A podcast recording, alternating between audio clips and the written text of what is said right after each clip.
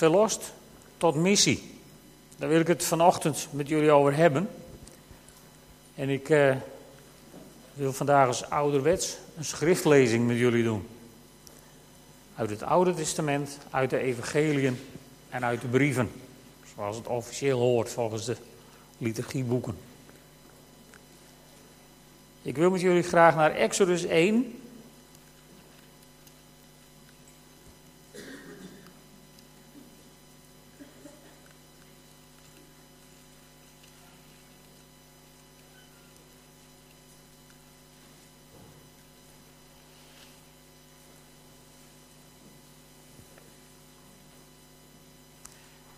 Exodus 1 en dan beginnen we bij vers 8.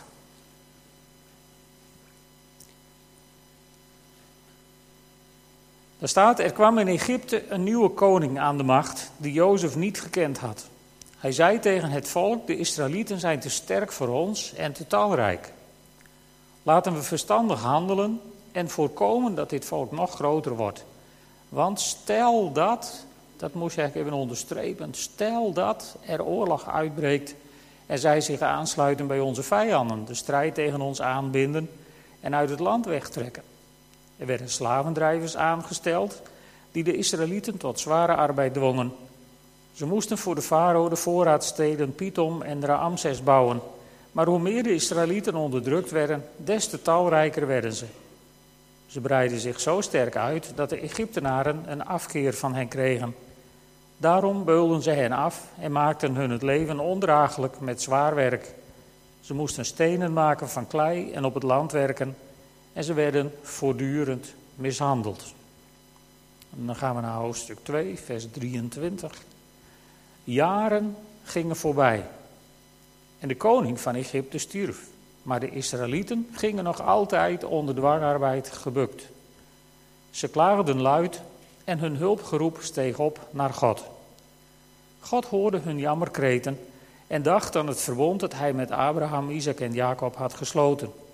Hij zag hoe de Israëlieten leden en trok zich hun lot aan. Dan gaan we naar hoofdstuk 3, vers 10. God trekt zich hun lot aan en dan zegt hij tegen Mozes: Daarom stuur ik jou nu naar de farao. Jij moet mijn volk, de Israëlieten, uit Egypte wegleiden. En dan zien we in hoofdstuk 4, vers 22, wat Mozes tegen de farao moet zeggen. Dan zegt God, en dan moet jij tegen de farao zeggen, dit zegt de Heer. Israël is mijn zoon, mijn eerstgeboren zoon. Ik heb je bevolen mijn zoon te laten gaan om mij te vereren, maar dat heb je geweigerd. Daarom zal ik je eerstgebo jouw eerstgeboren zoon doden. Tot zover de lezing uit Exodus. En dan wil ik graag met jullie naar Lucas, Lucas 9.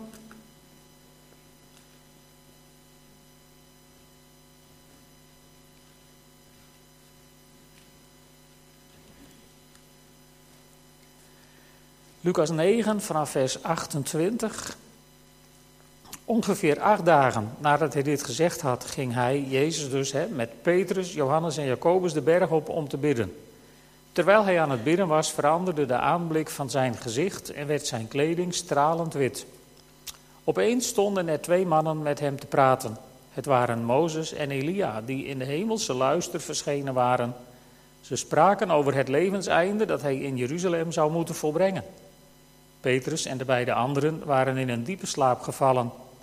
Toen ze wakker schoten, zagen ze de luister die Jezus omgaf en de twee mannen die bij hem stonden. Toen de mannen zich van hem wilden verwijderen, zei Petrus tegen Jezus: Meester, het is goed dat wij hier zijn. Laten we drie tenten opslaan: één voor u, één voor Mozes en één voor Elia. Maar hij wist niet wat hij zei. Terwijl hij nog aan het spreken was, kwam er een wolk aandrijven die een schaduw over hen wierp. Ze werden bang toen de wolk hen omhulde. Er klonk een stem uit die wolk die zei: Dit is mijn zoon, mijn uitverkorene. Luister naar hem. En dan nog een gedeelte uit Romeinen 6. Heel bekend stuk. Romeinen 6, vanaf vers 1. Betekent dit nu dat we moeten blijven zondigen om de genade te laten toenemen, dat in geen geval. Hoe zouden wij die dood zijn voor de zonde nog in zonde kunnen leven? Weet u niet dat wij die gedoopt zijn in Christus Jezus zijn gedoopt in zijn dood?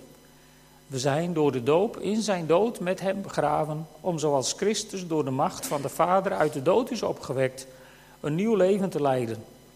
Als wij delen in zijn dood, zullen wij ook delen in zijn opstanding. Immers, we weten dat ons oude bestaan met hem gekruisigd is, omdat er een einde moest komen aan ons zondige leven.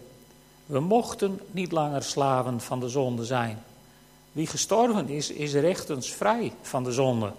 Wanneer wij met Christus zijn gestorven, geloven we dat we ook met Hem zullen leven, omdat we weten dat Hij, die uit de dood is opgewekt, niet meer sterft. De dood heeft geen macht meer over Hem. Hij is gestorven om een einde te maken aan de zonde, voor eens en altijd. En nu Hij leeft, leeft Hij voor God. Zo moet u ook uzelf zien, dood voor de zonde, maar in Christus Jezus levend voor God. Laat de zonde dus niet heersen over uw sterfelijke bestaan. Geef niet toe aan uw begeerten. Stel uzelf niet langer in dienst van de zonde als een werktuig voor het onrecht, maar stel uzelf in dienst van God. Denk aan uzelf als levenden die uit de dood zijn opgewekt en stel uzelf in dienst van God als een werktuig voor de gerechtigheid. Tot zover. Exodus. Het volk Israël woont in Egypte. En eigenlijk zijn ze daar gezien. Want waren zij niet het volk van de man die Egypte had gered in de hongersnood? Het waren populaire mensen. En, en net als wat je vandaag ziet in etnische conflicten die zomaar uit het niets lijken te ontstaan, worden ze op één slag, als het ware, van een gezien volk, een gerespecteerde partij in het land, worden ze ineens de slemiel. En waarom? Omdat er één man is, één leider, die zegt, ja maar stel dat. En zo wordt er twijfel gezaaid in de harten van de Egyptenaren over de intenties van de Israëlieten. Dat moet je eigenlijk heel bekend voorkomen, want zei Satan ook niet zoiets tegen Eva? Je zult niet, je zult niet, niet sterven als je van de boom eet, maar je zult worden als God. Stel dat God nou niet de waarheid tegen je heeft gezegd. En zo begint Farao ook. Stel dat. En zo ontstaat er een vooroordeel. En dan gaat Farao weliswaar dood. Maar het vooroordeel blijft in leven. Vooroordelen zijn namelijk heel erg hardnekkig. Daarom moeten we er zelf ook zo voorzichtig mee zijn met die vooroordelen. Want ze zijn er voordat je het weet en je raakt ze bijna niet weer kwijt. Het, kijk naar het vooroordeel van Farao over, over het volk Israël. Dat vooroordeel over Israël en de Joden, dat is er nog steeds. En het is nog steeds gebaseerd op leugens, op valse vooronderstellingen die niet kloppen. Maar even zo goed zijn er vooroordelen van moslims over christenen. Die denken dat christenen de islam willen uitroeien. Vooroordelen gebaseerd op leugens. En, en eigenlijk zijn wij geen haar beter. Want is er onder christenen niet een hele hoop vooroordeel over moslims? En daarmee scheren ook wij alle mensen over dezelfde kam als de radicale jihadisten en, en terroristen. Waarmee wij ook goedwillende mensen van een vooroordeel voorzien. En waarom is dat zo? Nou, vooroordelen, dat is eigenlijk de meest geslaagde manier van Satan om ons onder zijn heerschappij te krijgen. Door een vooroordeel werden de Israëlieten slaaf in Egypte. Door vooroordelen worden christenen opgesloten in gevangenissen of gedood. Door vooroordelen raken we in de macht van Satan, raken we gebonden, raken ook wij gevangen in het koninkrijk van de duisternis. En die vooroordelen zitten in je hoofd. Daarom is het ook zo belangrijk dat er in je hoofd iets verandert. De apostel Paulus die zegt dat heel mooi in Romeinen 12, vers 2. Ik, ik heb hem even uit de NBG genomen. Word niet gelijkvormig aan deze wereld, maar word hervormd door de vernieuwing van je denken. Daar moet het gebeuren. En waarom moet dat gebeuren? Opdat we mogen erkennen wat de wil van God is. En wat is dan de wil van God? Het goede, het welgevallige en het voorkomende. Wat niet betekent dat het je alleen maar voor de wind gaat en dat het alleen maar roze geur en maneschijn is. Ik zat vanochtend vroeg nog even door een krant te bladeren van afgelopen week. En toen viel mijn oog op een, een stukje over de Centraal-Afrikaanse Republiek, waar momenteel rebellen, christenen, hun huizen platbranden, mensen doodschieten en de lijken op straat laten liggen. En aan het eind van dat artikel stond een uitspraak van een missionaris die, die, die weliswaar aangaf dat het een en al ellende was. Maar hij zei, het geloof is geweldig. De meest gehoorde uitspraak van die vervolgde christenen die allemaal vluchten naar die missiepost is, God is hier. Het goede, het welgevallige, het voorkomende, midden in de ellende, waar wij het niet zouden verwachten. God is een God van verrassingen. Hij duikt op op plekken waar je denkt van, nou hier kan God niet zijn. En dan is God daar. Met zijn kracht, met zijn liefde, met zijn troost. Hij is er. Altijd. Net zo goed als hij keek naar het volk Israël in, in Egypte. Hij hoorde hun, hun klachten en hij trok zich hun lot aan, staat er in de Bijbel. Het zou weliswaar nog een hele tijd duren. En heel veel zweepslagen kosten voordat ze uit Egypte waren. Die strijd was nog lang niet gestreden. En misschien is jouw strijd in jouw leven ook nog lang niet gestreden. Maar God heeft je gehoord en hij trekt zich jouw lot aan. Hij doet er iets aan, zelfs als we het nog niet zien en het nog niet merken. God reageert. En net zo goed als God reageerde toen naar het volk wat, wat in Egypte woonde trekt hij zich ook ons lot aan in het Egypte van de zonde waar Satan de scepter zwaait. En vervolgens stuurt God iemand om hen te redden.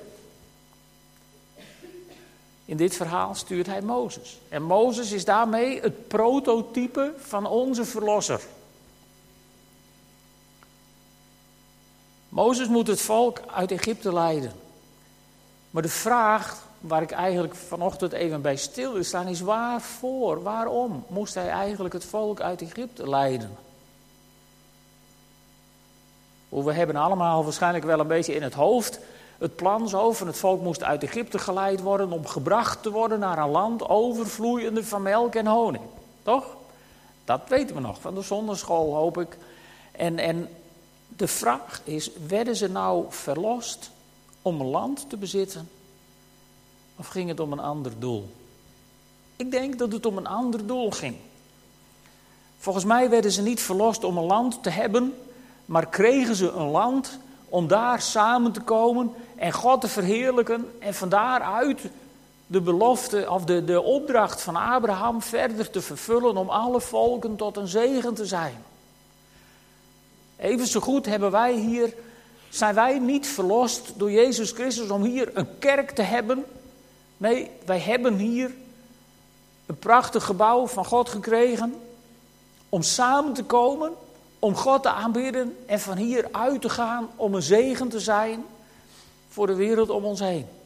Toch? We zijn toch geen christen geworden, we zijn toch geen, geen lid van Open Thuis geworden om samen een kerk te bezitten, hoop ik. Want dan zijn we arm. We zijn samen gemeente geworden om elkaar te ondersteunen in elkaars missies, in elkaars opdracht. En zo werd Israël verlost uit Egypte naar een land gebracht overvloeiende van melk en honing om daar samen God te vereren. Nou, eigenlijk, eigenlijk was het zelfs de bedoeling dat ze in de woestijn al begonnen God te verheerlijken. Dat valt niet mee. Hè? Soms word je ergens verlost uit een situatie en dan kom je in de woestijn en dan word je al geacht God te verheerlijken. Menselijk gezien zou je zeggen, nou, ik moet eerst die melk en die honing maar eens zien vloeien en dan komt dat vereren van God vanzelf. Maar dat is niet zo. Andersom, zullen we straks in de tekst zien, ik denk dat, dat de melk en de honing pas gaat vloeien als hij God gaat verheerlijken. God eren en God aanbieden komt eerst. Dat moet de eerste plaats hebben. Vanavond hebben we weer een avond van aanbidding. En, en de vorige keer toen we die avond hadden, werd ik begonnen met die tekst uit, uit uh, Richteren. Een van de eerste versen uit Richteren. Waar het volk vraagt aan God wie van ons moet het eerst optrekken. En dan zegt God, Juda moet het eerst optrekken. En als je dan weet, dat heb ik toen uitgelegd, dat Juda het synoniem is voor lofprijs en aanbidding. Dan zegt God daar van hoe je situatie ook is, als je mij gaat aanbidden en mij gaat verheerlijken, dan zul je merken dat ik er ben. En zo merken die mensen in die Centraal-Afrikaanse Republiek midden in hun ellende dat God er is, omdat ze Hem verheerlijken, ondanks hun situatie. En ga je niet afvragen of je dat wel zou kunnen, want dat is op dit moment een onzinnige vraag. Want God geeft kracht naar kruis. Dus op dit moment kan ik je garanderen dat je het niet kunt. En op het moment dat de druk er komt en de vijand aanvalt, kan ik je garanderen dat je het wel kunt. Want zo werkt God. Goed, waarom verlost dus? Om God te aanbidden. Het duidelijkste wordt dat in, uh, in Exodus 4, vers 23. Waar, ze, waar, waar Mozes tegen de farao moet zeggen: Je moet mijn volk laten gaan om mij te vereren in de woestijn. En, en daar moeten ze dan uiteindelijk een koninkrijk van priesters worden. In Exodus 19, vers 6. Een koninkrijk van priesters. Die moet je heel even onthouden, want daar kom ik straks op terug. Goed, even terug naar waarom ze verlost zijn. Ze moeten God dienen en God vereren. En dat is in het Hebreeuws het werkwoordje abad. Dat betekent werken of dienen. Het betekent als onderworpene iemand dienen. Het betekent God dienen. En het betekent voor de priesters hun priesterdienst vervullen. Dus het is een woord met een heel breed scala aan betekenissen. En ik heb even een paar voorbeelden, dan maakt het misschien duidelijker. Dus een heel, heel klein stukje Bijbelstudie als jullie het niet erg vinden. Een paar voorbeelden. In Genesis 2, vers 15. God de Heer bracht de mens in de tuin van Eden om die te bewerken. Het werkwoordje abad. Genesis 25, vers 23. Rebecca is zwanger. En ze krijgt de profetie. Twee volken zijn in je schoot, volken die uiteen gaan nog voor je hebt gebaard. De ene zal machtiger zijn dan het andere, de oudste zal de jongste dienen. Weer hetzelfde werkwoordje, abad. Nou, Genesis 29, vers 18. Jacob, die verliefd is op Rachel en tegen zijn aanstaande schoonvader Laban zegt: Ik zal zeven jaar voor u werken om Rachel. Abad, hetzelfde werkwoord. Maar let op, Exodus 6, vers 5. God zegt tegen Mozes: Ik heb het gejammer van de Israëlieten over de slavenarbeid die hun door de Egyptenaren is opgelegd gehoord. Opnieuw, slavenarbeid is hetzelfde werkwoord. Abad. En dan ineens is hetzelfde werkwoord hier. Exodus 4, vers 23. Ik heb je bevolen mijn zoon te laten gaan om mij te vereren. En, en dat doet je een beetje denken aan Romeinen 6. Niet meer slaaf van de zonde, maar slaaf van Christus. Staat er eigenlijk in het Grieks. Het is in het Nederlands allemaal wat leuker gemaakt. Maar het is beide keer hetzelfde woord. Exodus 20, vers 5. Mensen die vroeger net als ik in een traditionele kerk zaten waar de wet werd voorgelezen, die kennen dat misschien wel. Gij zult u voor die niet buigen, nog hen dienen. In de nieuwe Bijbelvertaling, kniel niet voor zulke beelden neer en vereer ze niet. Dat is hetzelfde werkwoord. Exodus 23, waar God over afgoderij wat meer zegt tegen de Israëlieten. Neem hun gebruiken niet over, kniel niet neer voor hun goden en vereer ze niet. Haal hun godenbeelden omver en verbrijzel hun gewijde stenen. Vereer de Heer. Het is beide keren hetzelfde werkwoord. Vereren of dienen, wat je in oudere Bijbelvertalingen ziet. En nog één, uit nummer 18, waar de levieten worden afgezonderd. God zegt daar, hierbij zonder ik jullie verwanten, de levieten van de andere Israëlieten af.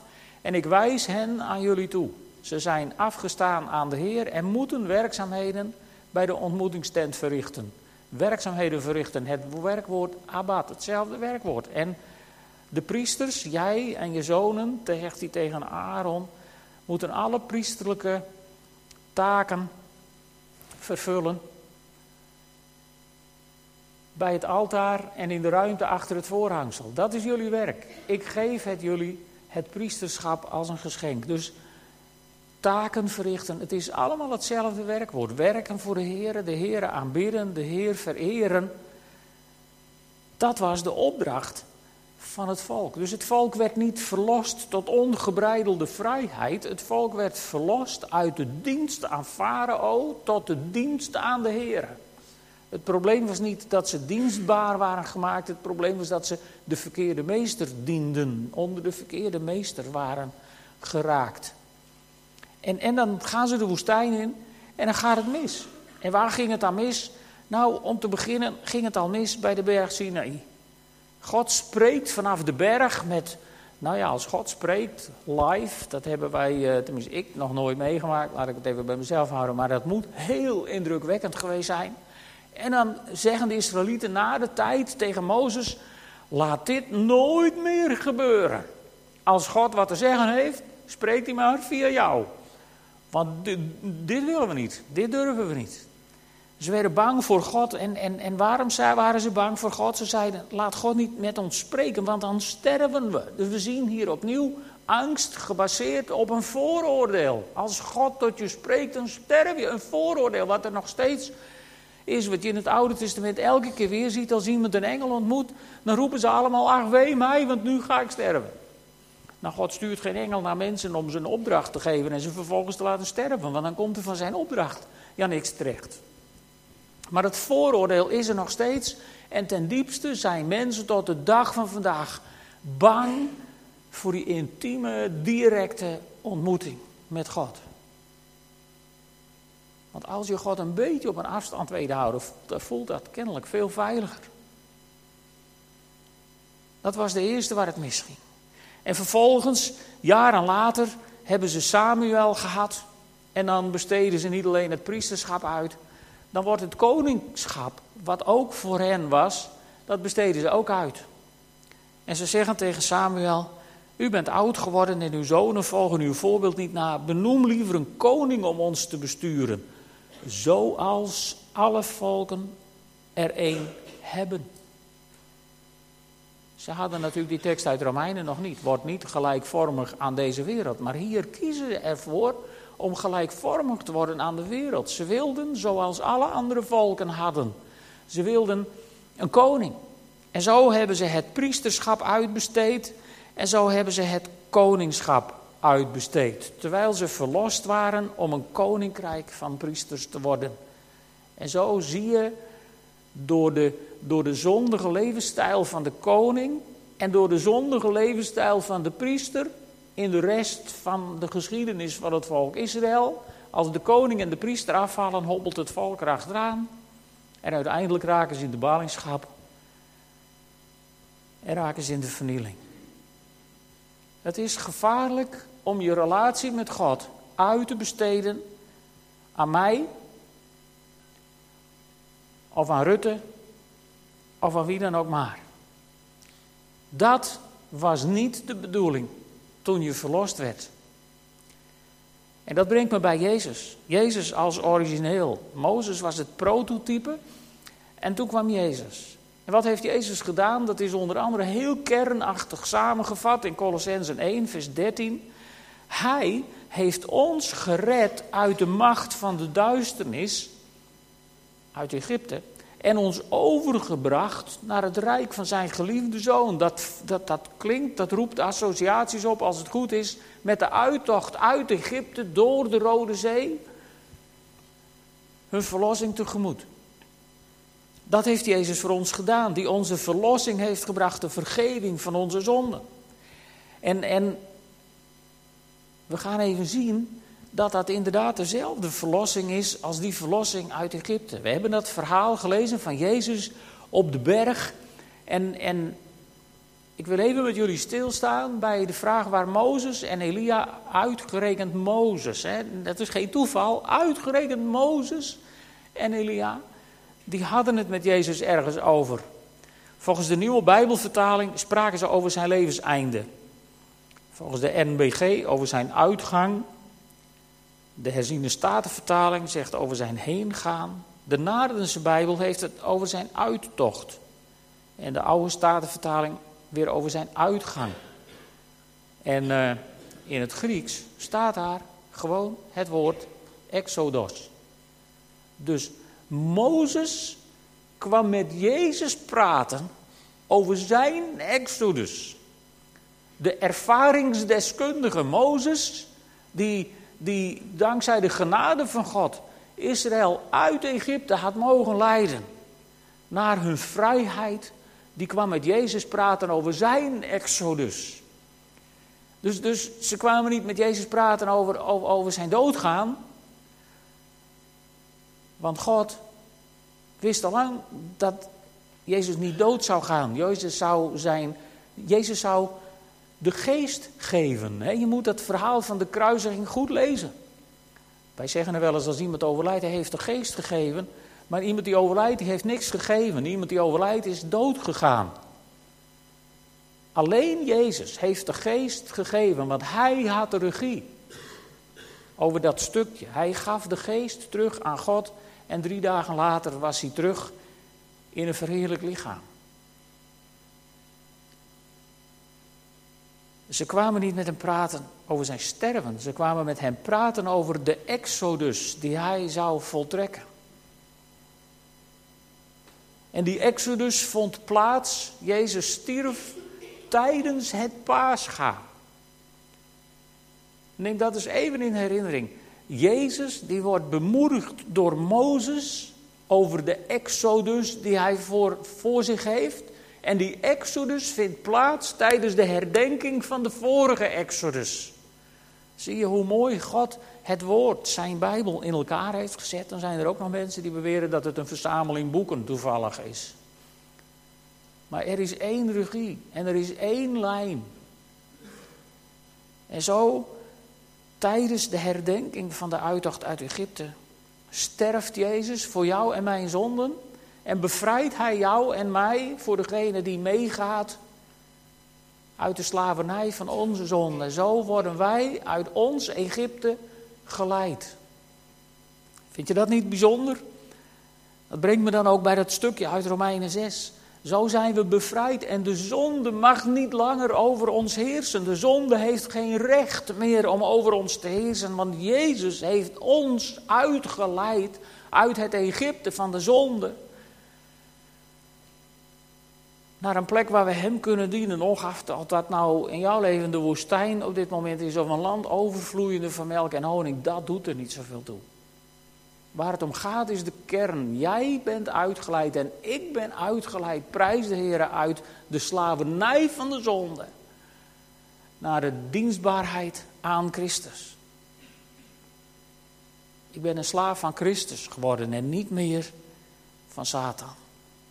Dus ten diepste kwamen ze niet praten met Jezus over zijn exodus, maar over mijn exodus. Die Jezus zou volbrengen. Net zo goed als Mozes voor het volk Egypte uitging. Als eerste door de Rode Zee waar de rest hem volgde. Is Jezus voor mij uitgegaan door de dood naar het leven. En symbolisch heb ik hem mogen volgen door de doop onder water weer opgestaan in een nieuw leven en zo mag ik achter Hem aan.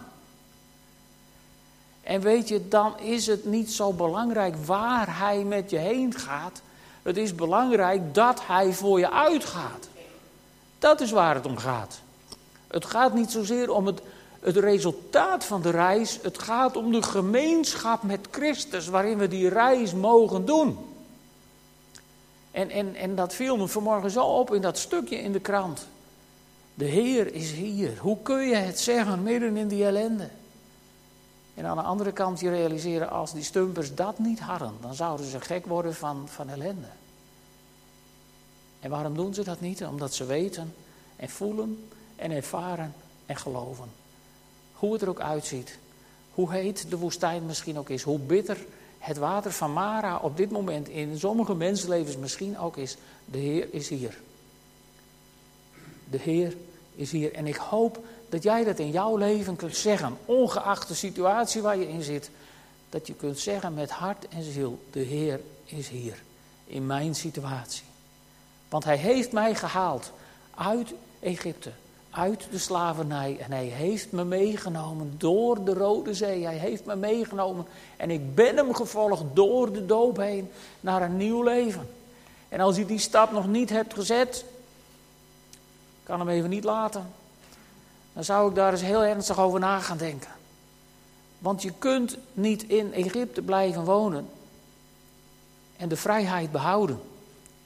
En je kunt de vrijheid niet in. Israël kon de vrijheid niet in zonder door de Rode Zee te gaan. Er was geen andere oplossing. En aan het eind van hun woestijnperiode konden ze ook het beloofde land niet in zonder door de Jordaan te trekken. Het gaat nu eenmaal niet anders, want dit is de weg die Jezus daarvoor heeft ontworpen. En ook wij, laat dat helder zijn, ook wij zijn geroepen om een koninkrijk van priesters te zijn.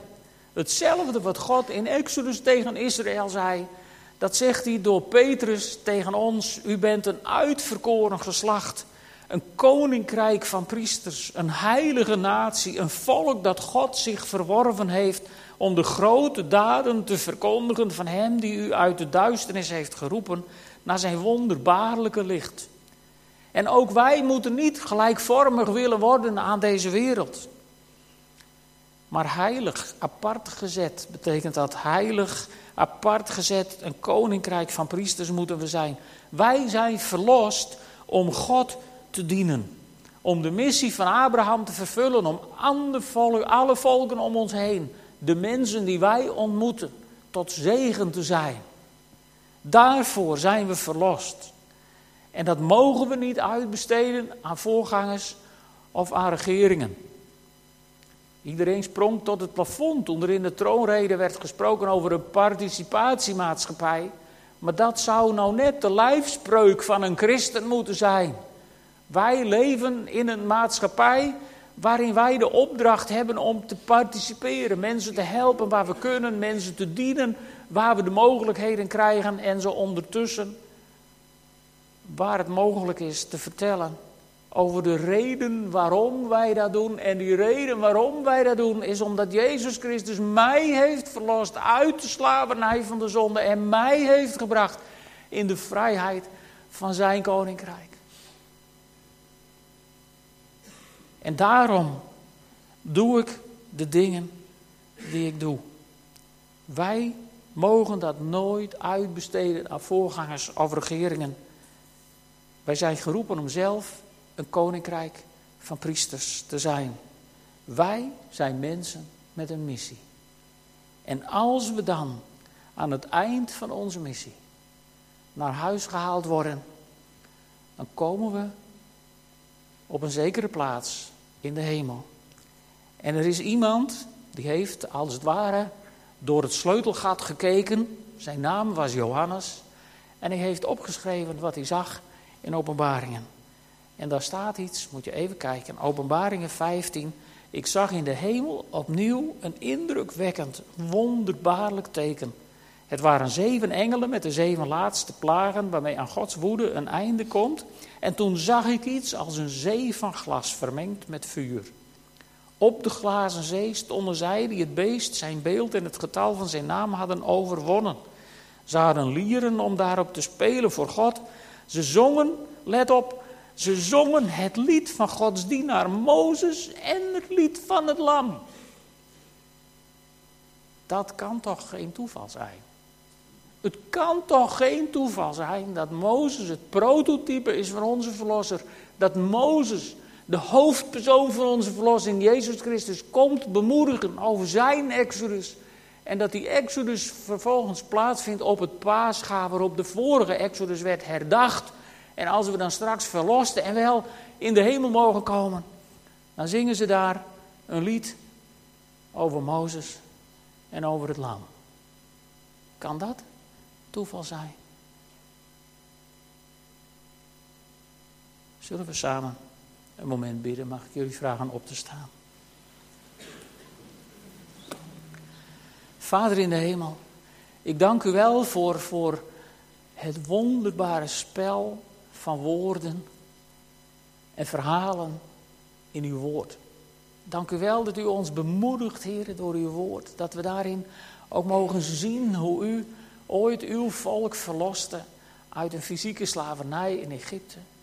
En dat we dat, we dat verhaal zo, zo één op één mogen, mogen overzetten, Heer, op onze eigen levens. Heer, ik dank u uit de grond van mijn hart dat u mij uit, uit het Egypte van de zonde hebt verlost en hebt geleid in uw dienst. En heren, soms zijn er tijden dat het voelt als woestijn. En soms zijn er tijden dat het overvloeit van melk en honing. Maar altijd bent u daar. En Heere God, ik bid u om dat voor een ieder van ons deze ochtend tot een realiteit te maken. En heren, daar waar de Rode Zee nog voor mensen ligt, of de Jordaan, om doorheen te trekken en zich te laten dopen, dan bid ik u om tot harten van mensen te spreken op dit moment. Heer, want u, u bent degene die overtuigt. Ik kan dat niet. Heer, spreek door uw Heilige Geest tot onze harten. En vul ons, Heer, met die diepe blijdschap over onze verlossing, zodat we net als die vervolgde broeders en zusters in Afrika in elke omstandigheid zullen kunnen zeggen: De Heer is hier. U bent erbij. Want u hebt onze klacht gehoord en u hebt zich ons lot aangetrokken. Dank u wel daarvoor. Amen.